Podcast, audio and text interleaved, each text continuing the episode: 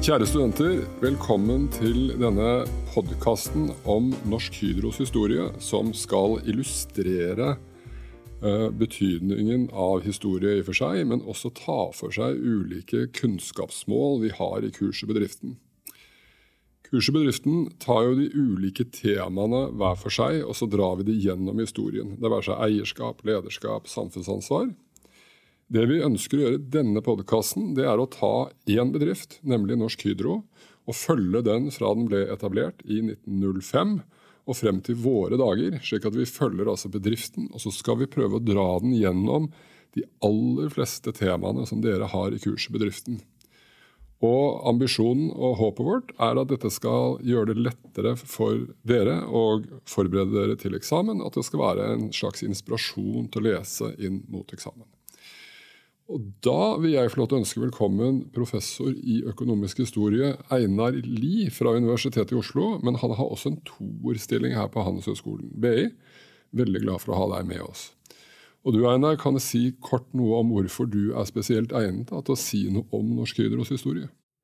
Ja, det kan jeg prøve å si noe om. Vi hadde et stort prosjekt på Universitetet i Oslo om Hydros historie for en del år siden. Eh, frem til 2005, hvor vi skrev tre bind om selskapet. Og jeg var prosjektleder og skrev den siste av de tre bindene. Eh, men samtidig er det sånn at eh, Norsk Hydro, når man driver med allmenn økonomisk historie, norsk økonomisk historie, så dukker det opp nær sagt overalt hvor det skjer viktige ting. Og jeg har vært opptatt, som du også, Sverre, av statlig eierskap og sånt senere.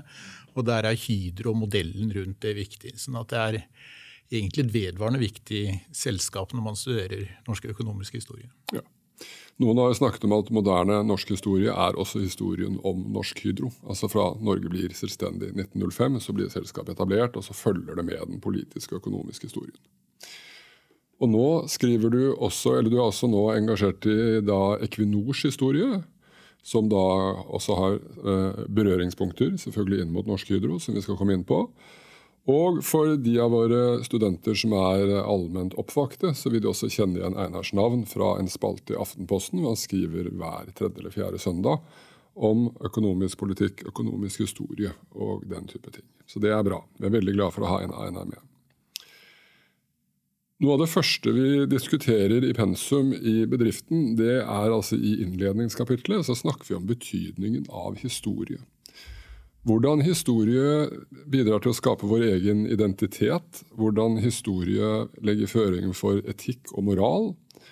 Og også hvordan politiske styresmakter, men endog bedrifter, også har en interesse av å forme sin historie. Og Einar, her har du lyst til å si noe interessant om Hydro under andre verdenskrig, og den historien de forteller om det i ettertid.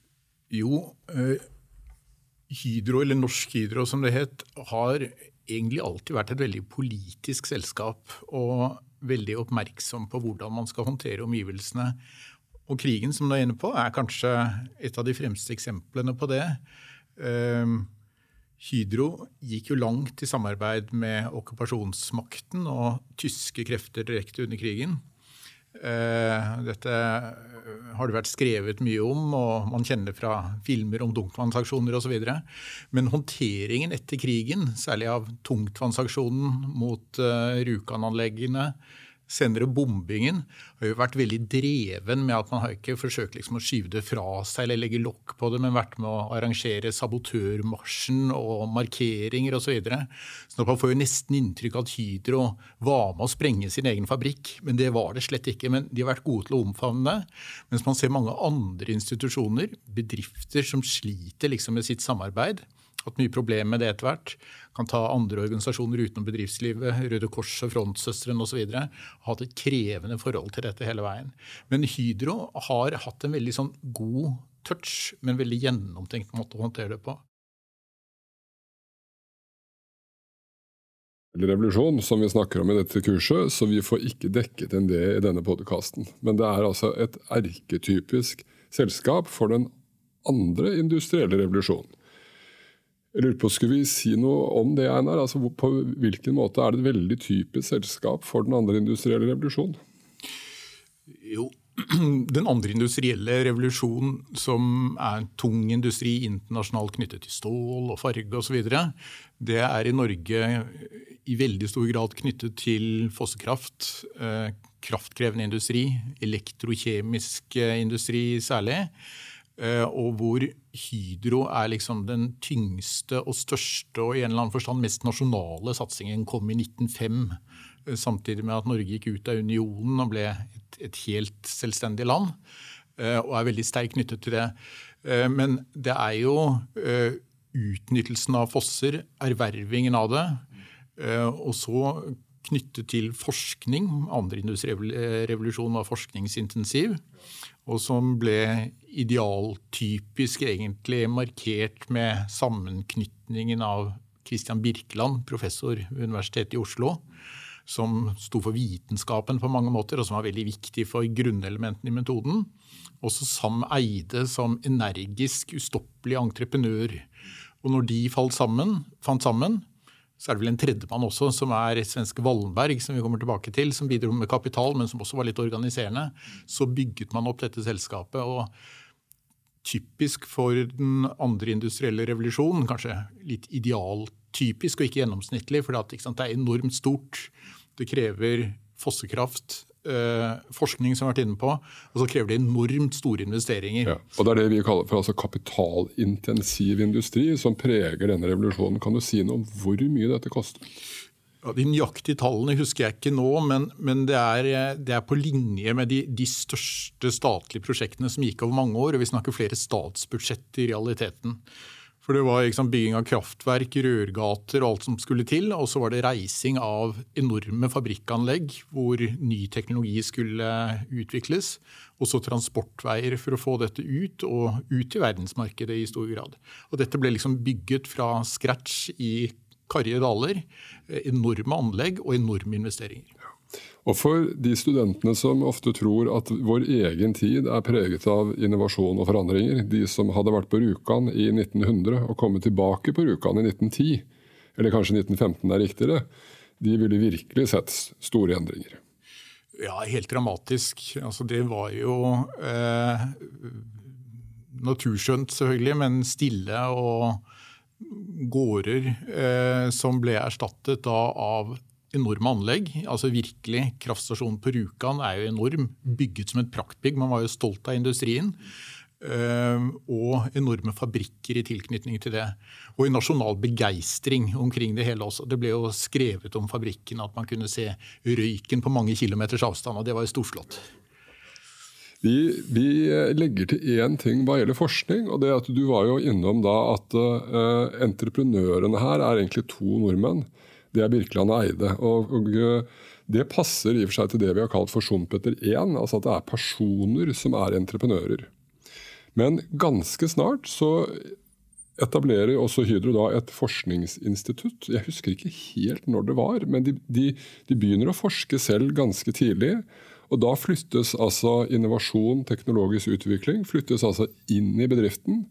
Og det vi da altså kaller for Schumpeter 2. Altså det er bedriftene som tar over og blir den store innovatøren.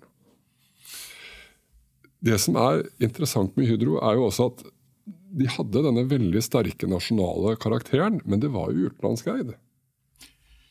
Ja, i høyeste grad. Eh, og det er jo en av de tingene som tydelig, tydeligst knytter det til globaliseringsbølgen som man har i perioden. Første store globaliseringsbølge med mye handel, naturligvis. Få handelshindringer og store direkteinvesteringer på tvers av landegrensene. Eh, Norge har jo vært regnet som et kapitalfattig land. Kanskje er det ikke riktig, men det har ikke vært særlig konsentrert og mange, men små banker. Og her og egentlig veldig lite eierkapital. Svake private eiermiljøer. Eh, det har vært nokså vedvarende, eh, men særlig den gangen. Eh, og en av de viktigste arrangørene for det hele var Wallenberg med sitt banksystem. Men eierkapitalen kom fra utlandet, i hovedsak fra kontinentet. Frankrike i første rekke, og litt Tyskland. Tyskerne kom tyngre inn etter hvert. Og så arrangerte Wallenberg lånekapitalen. Så kapitalen var internasjonal. Og man kunne liksom godt snakke om Hydro som et fransk selskap. Det var eid derfra. Generalforsamlingene ble holdt i Paris.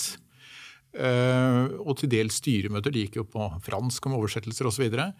Uh, men uh, det vi var inne på hakket før, at det var norsk teknologi Birkeland eide, og at man da internaliserer teknologiutvikling og forskningsutviklingen.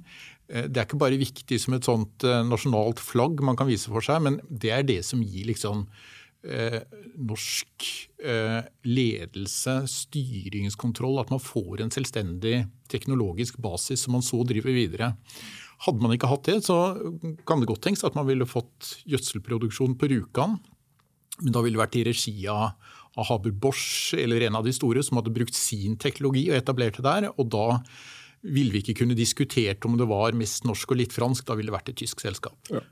Vi må si en ting til òg, og det er, som det står litt med pensum, når, når, man snakker om en første globaliseringsbølge fra 1870 til 1914 omtrent, så gjorde man ikke dette i gamle dager. Dette gjør man faktisk ikke før man kommer inn på 70-tallet. Og det som skjer da, er at da er det noen som forsker på utenlandsinvesteringer, og så finner de ut at veldig mange av de britiske investeringene de blir omdefinert fra å være finansinvesteringer til å bli oppfattet som direkte utenlandsinvesteringer.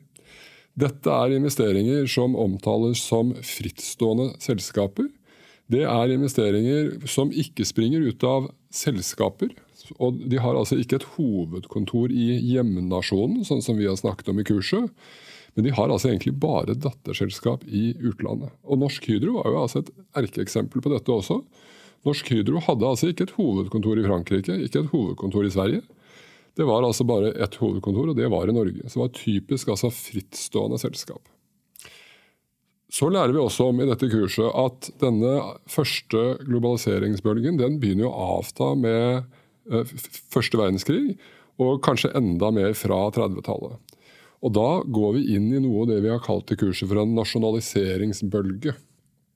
Og I så måte er det altså interessant at eh, de første ordentlige kravene om å nasjonalisere Hydro de kommer på 20-tallet. Å nasjonalisere betyr da å kjøpe dette hjem til norske interesser.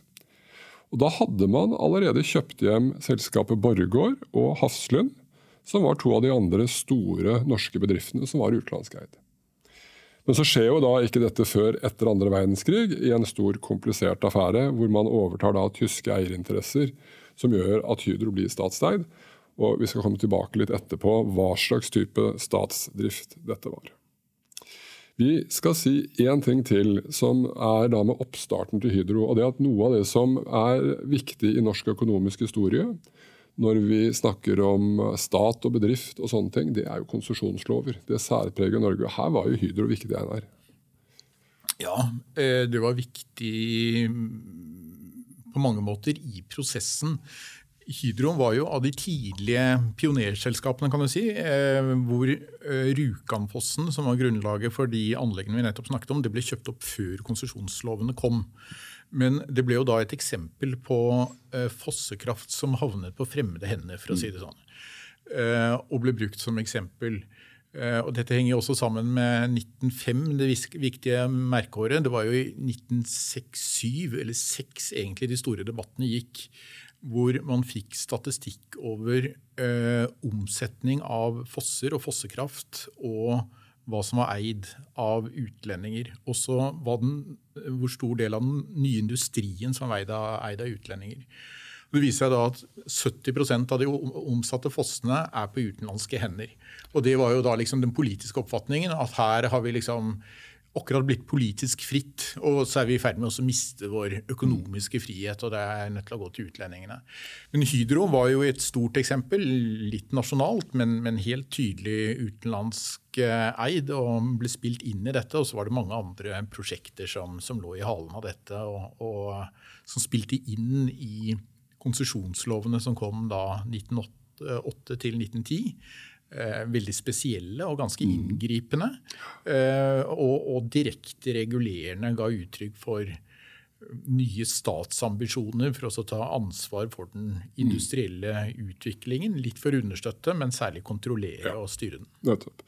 Og Du har skrevet et sted som jeg syns var interessant for å holde oss liksom til det nasjonale. altså at man har jo da Et viktig poeng i disse konsesjonslovene er dette som heter hjemfallsrett. Og Nettopp selve ordet hjemfall er jo interessant. Ordet hjemfall er interessant. Realiteten som ligger i det, er jo at noen, som det er kapitalinteresser, industrialister, kan få kjøpe fossene, men etter en periode, stort sett 80 år, mm. så skulle det falle tilbake til fellesskapet ved staten. Mm. Som jo er litt interessant, altså hjemfall, for det faller liksom hjem, men ikke til den som egentlig er eid den. Det er jo ofte bønder med stor utmark osv., men til staten. Mm. Eh, og fruktene har jo falt i fanget på staten og fellesskapet etter hvert som tiden har gått. Men, men en veldig interessant ordning og mm. ekstremt langsiktig. Og for så vidt, selv om det er et uh, mal apropos, når man diskuterer f.eks. oljefondet, som bygges opp sånn at vi sier at vi bruker avkastningen, men ikke hovedstolen, den skal stå til mm. kommende generasjoner, så er det noen likheter i det å ta liksom, veldig store beslutninger som er ekstremt langsiktige. Mm. Som vi har gjort før. Eh, og Man kunne trekke frem flere eksempler òg. Og det er ikke alle som liksom regulerer seg på den måten med den horisonten. Og Det er også et uttrykk for da den andre industrielle revolusjonen, med en stat som er mer organiserende, regulerende, og hvor vi kan si at eiendomsretten blir noe uthulet eller begrenset, om man vil. Det er et uttrykk for det. Hjemfall er jo et eksempel på det. Mm. Fordi det er da altså en storbonde eier en foss, og så selger den. Mm. Uh, og det er klart at Når man da egentlig ikke får solgt den helt, men den skal gå tilbake til noen andre etter 80 år, mm. så bidrar det til å redusere verdien.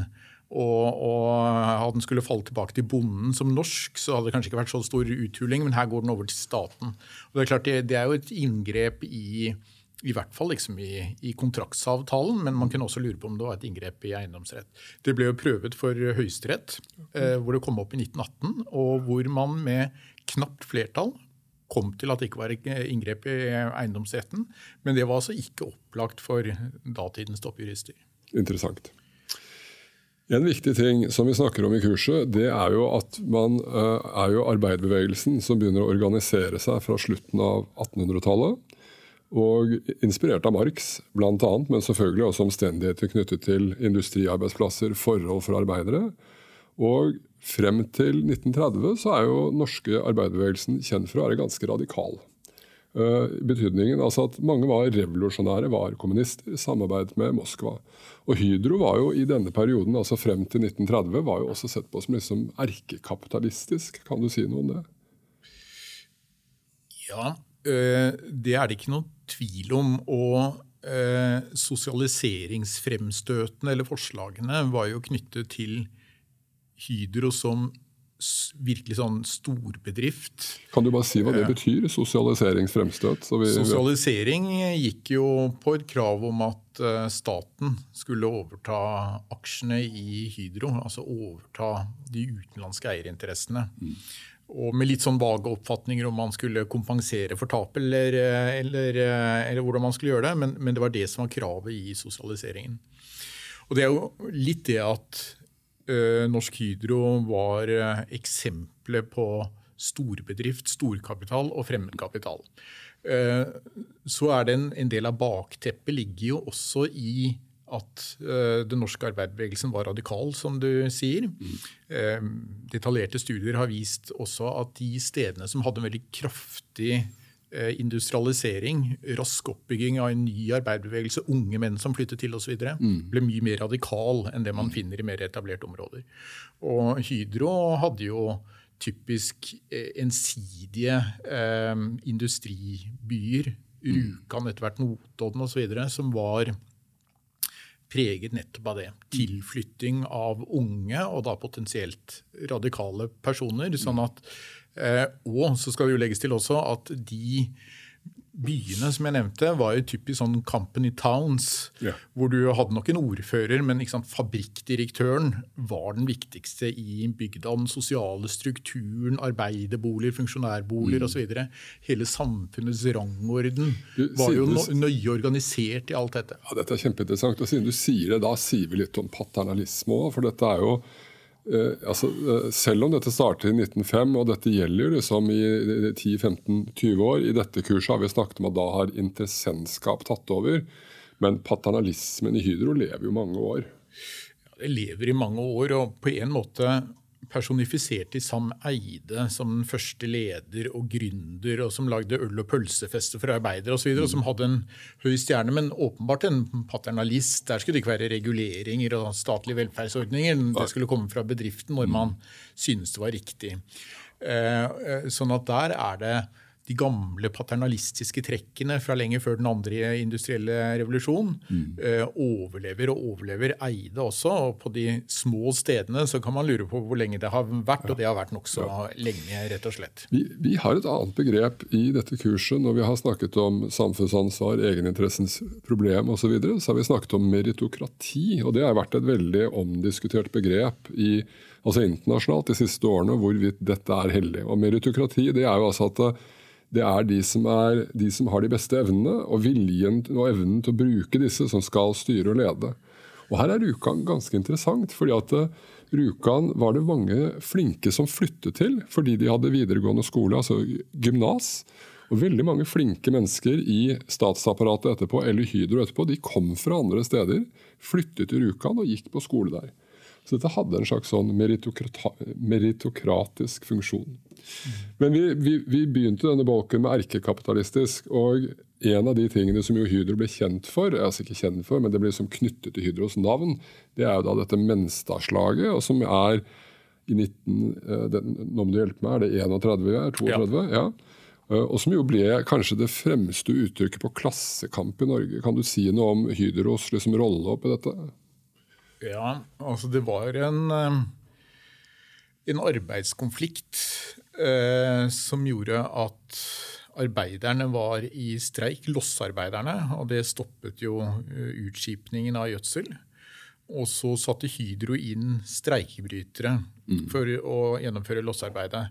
Eh, noe sånt ville i dag vært uhørt med mm. arbeidsrett man har osv., men mm. det var vel moralsk tvilsomt og selvfølgelig mislikte arbeiderne, men juridisk så var det ikke noe galt eh, med å gjøre det. Og Da må vi skynde oss å si at dette er da før hovedavtalen, dette som er, før, fire år senere. ikke sant? Dette er før hovedavtalen. Men i og med at det da ikke var et juridisk problem, så var det sånn at når uh, arbeiderne i streik begynte å jage bort streikebrytere, så ropte Hydro på ordensmakten. Mm. Det var lokalt politi, og så var det statspolitiet. Dette var en periode hvor eh, Vidkun Quisling satt i regjering, og det var også ble raslet med tropper i bakgrunnen. Mm. Men det var statspolitiets folk som rykket inn for å beskytte streikebryterne. Og det som går som Menstadslaget, det, det er et litt dramatisk begrep, det vil jeg nok si. Mm. Men det er, de, det er da arbeiderne som var i streik som rykket inn med køller og jernstenger og jagde bort statspolitiet som skulle beskytte streikebryterne. Kanskje du skal si for ordens skyld hva streikebryter er, bare så vi har det på plass? Ja, altså De oppfatter seg vel ikke som det. De oppfatter seg bare som arbeidere som tar uh, korttidsarbeid som blir tilbudt av uh, arbeidsgiveren. Men det er de som kommer inn for å gjøre jobben til noen som er i streik. Ja, som man ikke har drevet med etter, eh, etter hovedavtalen, men, men, den gang var det ikke noen reguleringer på det. Nå gjør man ikke det. Streikebryteri er regnes som et angrep på spillereglene i, i arbeidslivet. og og det er klart at det undergraver effekten av en streik, f.eks. Hvis bedriften kan bare sette inn noen andre til å gjøre jobben. Nettopp. Og dette er jo, altså Streikebryteri er liksom et fenomen som er uttrykk for at arbeidsgiver arbeidskjøpere klarer å spille arbeidstakere ut mot hverandre. Og Mye av det vi ser med svekkelse av fagbevegelser i dag, også knyttet sånn til Uber og den type selskaper, så er det nettopp at arbeidskjøpere og arbeidsgivere klarer å sette arbeidstakere opp mot hverandre, splitte de, slik at de mister kraft. Men altså Hydro var da på et sett og vis sett på liksom som et erke kapitalistisk selskap som arbeidere var kritiske til og sto i motsats til. Men dette endrer seg jo da etter andre verdenskrig. Da blir altså staten eier i Hydro. De blir eier av 44% av aksjene, altså den desidert største eieren. Og da blir det jo på en måte et sånt typisk måte Arbeiderpartiselskap eller altså, Det er feil, men altså et selskap som blir en integrert del av Arbeiderpartiets næringspolitikk, kan man si at det blir. Ja, Og vekstideologi, ikke minst. Ja. Det, er, det, er, flere trinn i dette. fordi staten overtar jo 44, som blir til 47% etter hvert som tiden går. Og er da en dominerende eier, men uten egentlig å utøve noen form for aktivt eierskap. Det er Hydros styre, og der sitter jo, det satt en byråsjef for det som hadde vært Direktoratet for fiendtlig eiendom, men han virket som advokat etter hvert, og jeg tror ikke han følte seg som representant for noen. Veldig rar ordning gjorde ikke så mye ut av seg. Og så var det franske styremedlemmer som satt der, og så noen norske. Eh, men eh, Hydro selv hadde nok trekk av noe av det samme. At det var en ledelse fra landets beste borgerskap, men som ble trukket inn i vekstpolitikken. Mm. Kraftkrevende industri. Mm. Eh, man bygde videre ut anlegg man hadde. Bygget opp Glomfjord. Mm. Og det er sant, eh, både Nord-Norge og vekstpolitikk osv. Så Eh, sånn at der ble stat og Arbeiderpartiet og selskap egentlig gående hånd i hånd, selv om det var store forskjeller. Og hvor Hydro inngikk eh, med glede i vekstplanene og nøt godt av nye skatteregler og investeringsstøtte, og falt på en måte inn i et industriregime eh, som, som, passet selskapet, og som eh, var det som tilhørte en ny, nye tid. Og utfordret ikke staten, staten, på det på noen måte. Nei. Du sa jo at du skrev Hydros historie og var med på det. Jeg skrev min hovedoppgave også på Hydros historie. og Da skrev jeg da først om hvordan, hvordan, Hydro, nei, altså hvordan staten ble eier, og så om disse vekstplanene. Og jeg tenkte, altså En av de viktigste tingene var at Hydro var jo også et veldig typisk ledelsesstyrt selskap. Hvor altså aksjonærer og eiere betød lite. Og i så måte var det nok en gang altså veldig typisk for den andre industrielle revolusjonen. For Du sier jo her at det, det var det var altså ikke så mye aktive styremedlemmer som bestemte hva Hydro skulle holde på med. De fikk mer forelagt seg de avtalene man hadde inngått med staten. Og stort sett så vedtok man disse og var enige om disse. Og Dette var kanskje også en forutsetning for at staten kunne være eier, for at eierne var jo så passive likevel, eller hva tenker du?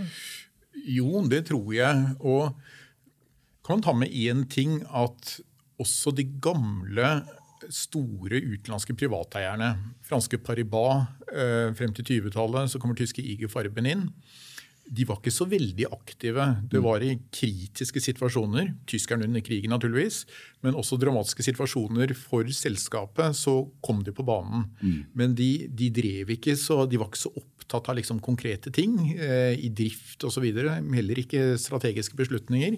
Så der er ikke forskjellen så stor. Men, men staten eh, hadde nok en enda større avstand til det. Og hadde heller ikke noe apparat for å kunne forsøke å overstyre Hydro. Jeg tror de var det ligger jo også det vi var inne på forrige gang rundt vekstpolitikken. De var på en måte fornøyd med måten selskapet rettet seg, og hvor man var et verktøy for å bygge landet, industrireisning, langsiktig veksttenkningen. Så, så var det opplagt eh, noen kontraster, særlig til enkelte ledelsesfigurer som minnet veldig om de man hadde i mellomkrigstiden. for å si det sånn. Mm. Men når man kommer inn på 60-tallet, så begynner det egentlig å endre seg litt. Og Her er det et par trekk som er interessante. fordi man kunne fra statens side stilt seg spørsmål om at hvis vi ikke utøver eiermakt, hvem er det som utøver makt i dette selskapet? Og Det sitter noe franskmenn i styret osv. Men etter hvert så er jo hele rekrutteringen til konsernledelse, og særlig generaldirektørstillingen i Hydro, den gikk jo innifra. Det er folk som har vært lenge i selskapet. Lojaliteten er til selskap og selskap som, som, prosjekt, og ikke til noen utenfor. Mm. Og Det gjør liksom at de som har liksom dette eierskapet uformelt, det er Hydros folk som er en del av et nasjonalt prosjekt. Og Da er det lettere å akseptere at uh, man som eier, statlig eier, ikke øver innflytelse. For det er ikke noen andre eksterne krefter som gjør det heller. og Det er en del av dette byggende prosjektet. Så Eh, var det, tror jeg, på 50-tallet ikke noe spesielt tett forhold mellom ledelsen og de ansatte i Hydro. Eh, på 60-tallet hadde man enkelte konflikter. Da fikk man inn etter hvert eh, Johan B. Holte som generaldirektør. Han kom jo innifra, forskningsdirektør osv. Skal vi si et ord om han fordi et av argumentene som ble anført for ledelseskapitalisme, det er jo rett og slett at hvis det er eierne som styrer, så er det ikke nødvendigvis de flinkeste. Da er det noen som har arvet ofte noen aksjer, og det er tilfeldig ofte. Mens en av argumentene for altså ledelseskapitalismen er at det er jo de flinkeste folka som har de beste eksamene, enten det er fra ingeniørstudier, business school, handelsskoler, eller som har jobbet seg oppover i systemet Hydro. Og Holte er vel et veldig typisk eksempel på dette. altså En veldig flink type som jobber seg oppover. Absolutt.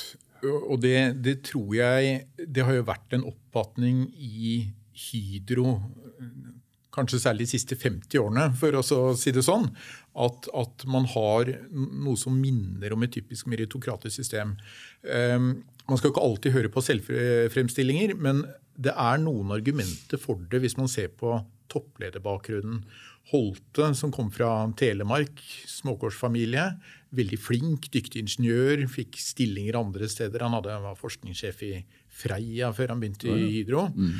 Han nevnte det i et intervju at det var en av hans store forskningsfortjenester at han hadde fått kjeksen i Kvikk Lunsjen sprø frem til et eller annet de gjorde, så ble den myk under sjokoladen. Men, men, eh, det kan dere tenke på, eh, studenter, når dere er på påsketur. At det er jo han ved Holte dere skal takke for. Send en tanke til Holte. Ja. Men det var jo hans eh, bakgrunn. Liten bakgrunn fra Telemark. og Hvis man ser på etterfølgere opp igjennom, navn som sier lite for de fleste studenter, men etterfølgende generaldirektør, Odd Naru, husmannssønn fra Hedmark, Torvild Åkvåg, lektorsønn fra rundt om i landet. Mm. Egil Myklebust, som kommer fra Vestlandet og som funksjonærfamilie. Så Eivind Reiten fra Romsdalen, fiskebondefamilie.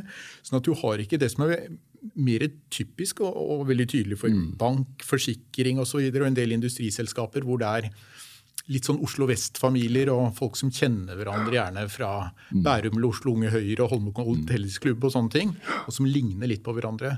Det, er ikke det typiske for Hydro. De er hentet fra hele landet og vært litt ulike steder, men kvernet veldig lenge i dette mm. selskapet. Og nå skal vi ikke gjøre dette for komplisert for studentene, men det er et poeng det du sier, at her er Hydro noe av et unntak i norsk næringsliv. Altså Det er et mer av et meritokratisk selskap, hvor folk kan altså arbeide seg oppover. Ledelsen i veldig mange andre selskaper er jo akkurat som du sier, er jo Oslo Vest preget. Ehm, jeg har lyst til å si at vi skal si én ting til, og det er at en viktig del av denne vekstfilosofien som kommer etter andre verdenskrig, da har jo staten blitt eier. Og det som er viktig for staten da, det er at de ønsker ikke å drive et aktivt eierskap i Hydro, men de ønsker at det statlige eierskapet det skal sikre den nasjonale forankringen. Det skal sikre at hovedkontoret er i Norge. Og ved at man vet at selskapet er nasjonalt og forblir nasjonalt, så blir det lettere å gi det veldig gode vekstbetingelser. Og Dette er altså noe av kjernen i det statlige eierskapet vi har i dag. og Kjernen i og for seg det, det som har blitt kalt for Hydro-modellen. Et passivt statlig eierskap som egentlig først og fremst forankrer det nasjonalt. Absolutt.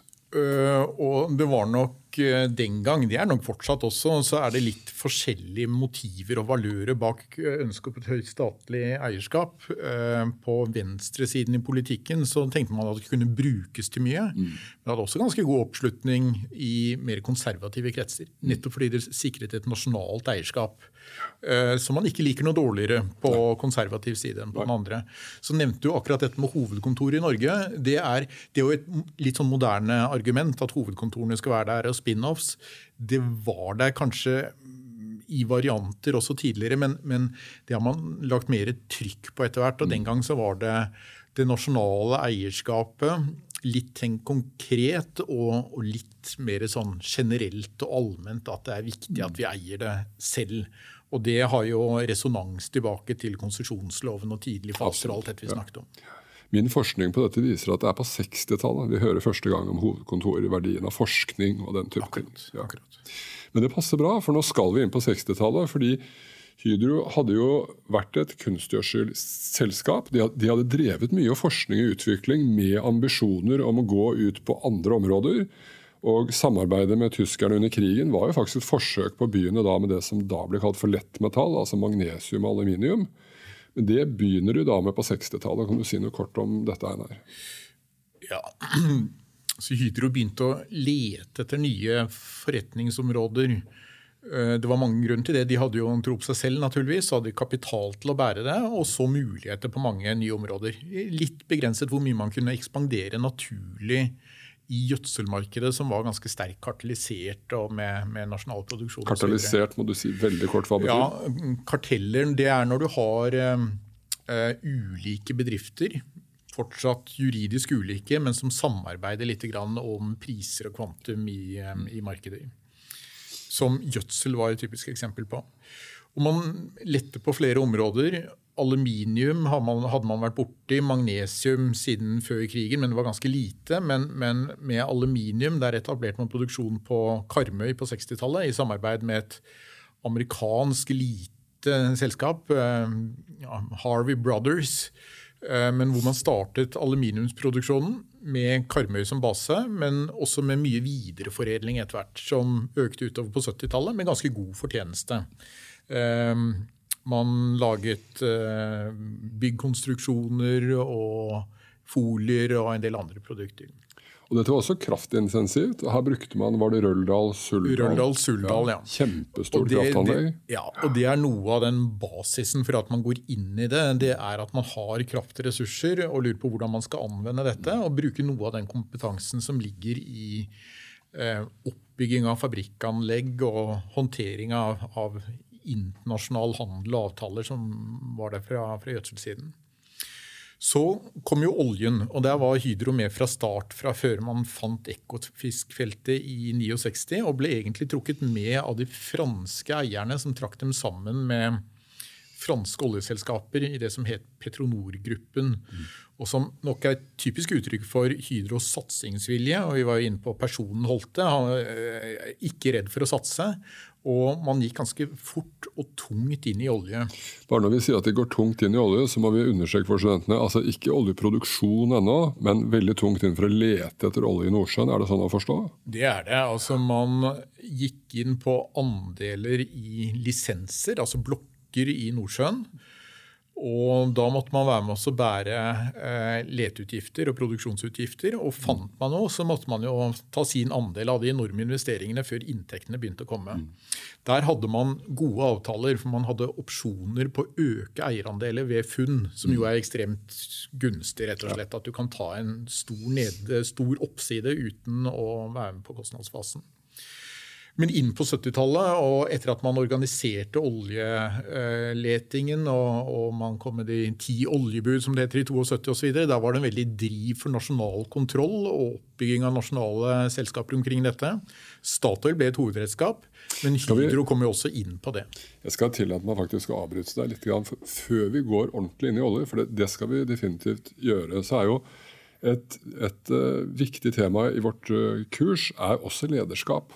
Og eh, en, et av de viktigste uh, dreiningspunktene når man går fra den andre til den tredje industrielle revolusjonen, når vi snakker om lederskap, det er betydningen at de ansatte får mer kunnskap, som endrer ledelsesrelasjoner mellom ledere og ansatte.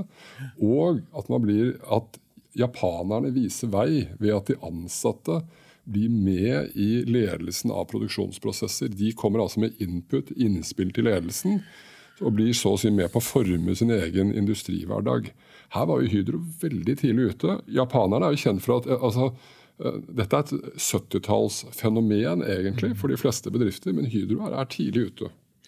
Hydro var tidlig ute, og dette er jo Holte, da han kom inn som generaldirektør i var det 6 eller 67, jeg tror det var 66, da var jo Hydro et litt aristokratisk selskap fortsatt gjennom eh, sin lederstil og toppledere. Mm. Det var konflikter på Herøya.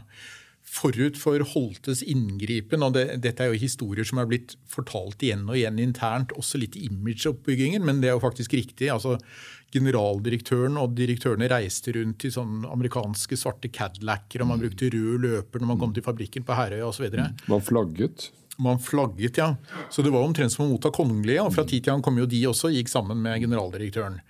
Mens Holte solgte flåten av Cadillacer til et begravelsesbyrå. Det er jo vakkert eh, billig. Husker og, du hva den het, denne flåten? De kalte den for Svartehavsflåten. Svartehavsflåten, Ja, nei, det er vakkert. Kvittet seg med det, og de røde løperne ble lagt bort. Og da det var konflikter på Herøya, så kjørte Holte ned selv i sin folkevogn og sin eh, coat og tok direkte kontakt med fagforeningslederne. Det ville jo en generaldirektør aldri gjort. ikke sant? Du har en fabrikkdirektør, en personaldirektør og masse andre folk som var ansatt for å snakke med dem men for oss å komme frem til en felles enighet. og Han var jo en person med liksom stor tro på felles fornuft og rasjonelle argumenter osv. Fagforeningslederen han traff var Tor Halvorsen, som senere ble LO-leder. Men, men, der, dette ga starten på det som er omtalt som samarbeidsforsøkene, som har vært veldig mye omskrevet. Mm. Som går nettopp på en ting er arbeidsforhold osv., men deltakelse i hvordan man organiserer produksjonen mm. og legger det opp og hvor det er mye å hente fra arbeidstagersiden rundt arbeidsforhold osv., men fra bedriftens side så har man jo sett etter hvert at det ligger også gevinster i at kvalifiserte fagarbeidere og arbeidsledere osv. er med å begynne å interessere seg for på en måte, hvordan, ja, hvordan kan man gjøre ting enklere. Er det liksom små justeringer som kan gjøres for å få et bedre resultat? Og hvor de som er tettest på produksjonen, trekkes mye dypere og mer kon eh, konkret inn i det. Skal si en ting der, Einar, at Dette her er altså helt identisk med det vi har undervist om med Japan. Altså, det er de tayloristiske prinsippene som ligger til grunn. altså at det er en det er en nitidig studie av verdikjeden og verdiskapelsesprosessen om hvordan man kan gjøre dette mer effektivt. Men hvor altså de ansatte involveres i det arbeidet. Det er det vi ser i Hydro, på samme måte som man da så i Japan. Ja, og Der er det en overgang. for Noe av det som skapte konfliktene før Holte kom med folkevognen sin, for å si det sånn, det er jo det som da ble oppfattet som litt gammeldags. Det var Taylor-ingeniører som gikk rundt med stoppeklokke. Ikke snakket med noen, og sånn, men de målte alt mulig. Og så mente de at det var mulig å kutte minutter her og her, mm. uh, uten at det var noen form for involvering. Og det skapte konflikter. Så fortsatte man nok liksom Taylor-linjen, men med en involvering mm. som uh, alle parter var fornøyd med, og som Hydro nok mente ga veldig store gevinster etter hvert.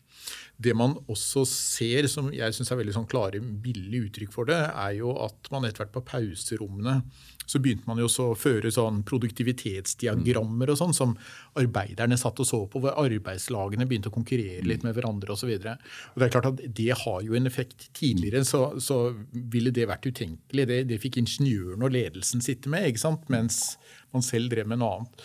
Sånn at det, det, det er en måte å liksom forplikte dypt arbeidsstokken og trekke det inn i produksjonsprosessen på, mm. som har flere sider, men, men, genuint samarbeid det er det ikke noen tvil om. Så dette, dette altså, Disse samarbeidsforsøkene er både altså viktig for ledelse, at det har en likhet med de japanske idealene, men det også, peker også fremover mot det som vi da kaller for den nordiske modellen, altså hvor det er tett samarbeid mellom ledelse og ansatte i produksjon men hvor vi også har dette trepartssamarbeidet på et makronivå, om du vil, altså mellom LO, NHO og staten. ikke sant? Ja, det er det. Og egentlig tar en del av idealene fra det som har ligget på nasjonalt nivå, og så mm. plasserer det lenger ned i produksjonsprosessen. Og med, med, tror jeg, en større initiativrikdom enn man finner på en del andre områder. På Karmøy, altså aluminiumsproduksjonsstedet som jeg nevnte for et øyeblikk siden, så la man jo om til ny teknologi på 80-tallet, såkalt Sumitomo-teknologi. Og da kom det japanere og japanske arbeidere og skulle lære de norske arbeiderne å arbeide etter det. Men der fikk man en kollisjon, for de var nok også vant til samarbeid. Men det de norske så, var at presisjonen til de japanske arbeiderne med hvordan man skulle gjøre ting liksom identisk og raskt osv., den var helt ekstrem. Og den, oh, ja. den fikk de ikke kopiert inn. Akkurat. Eh, sånn at de var nok vant til på en måte et mer sånn diskuterende fellesskap, og mm. at man tok liksom ja, skjønnsmessige avgjørelser, og flere kunne være med å justere ting osv.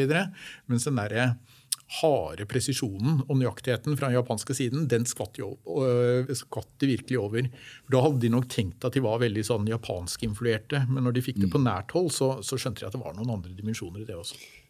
Du, siste poeng vi skal gjøre, for nå, nå må, må, vi gå videre. Men et siste, og du får korrigere meg hvis jeg husker feil. Men husker jeg riktig at det var en mellomleder på Herøya som hadde, ikke var særlig konstruktivt innstilt på disse samarbeidsforsøkene, og hvor Holte kjørte ned, og, og hvor, hvor mellomlederen ikke lenger arbeidet i Hydro etter en stund? Eller husker jeg feil? Kan hende jeg husker feil.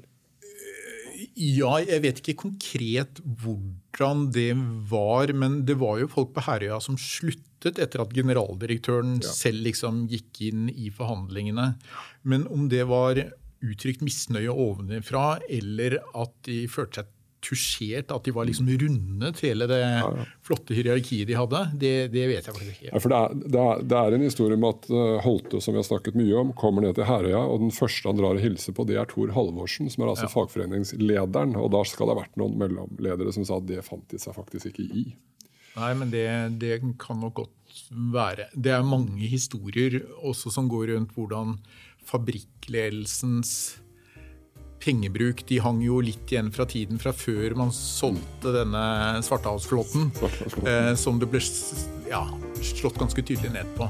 Så det er klart at eh, det er eh, Ja, det var noen friksjoner rundt, eh, rundt dette. opplagt.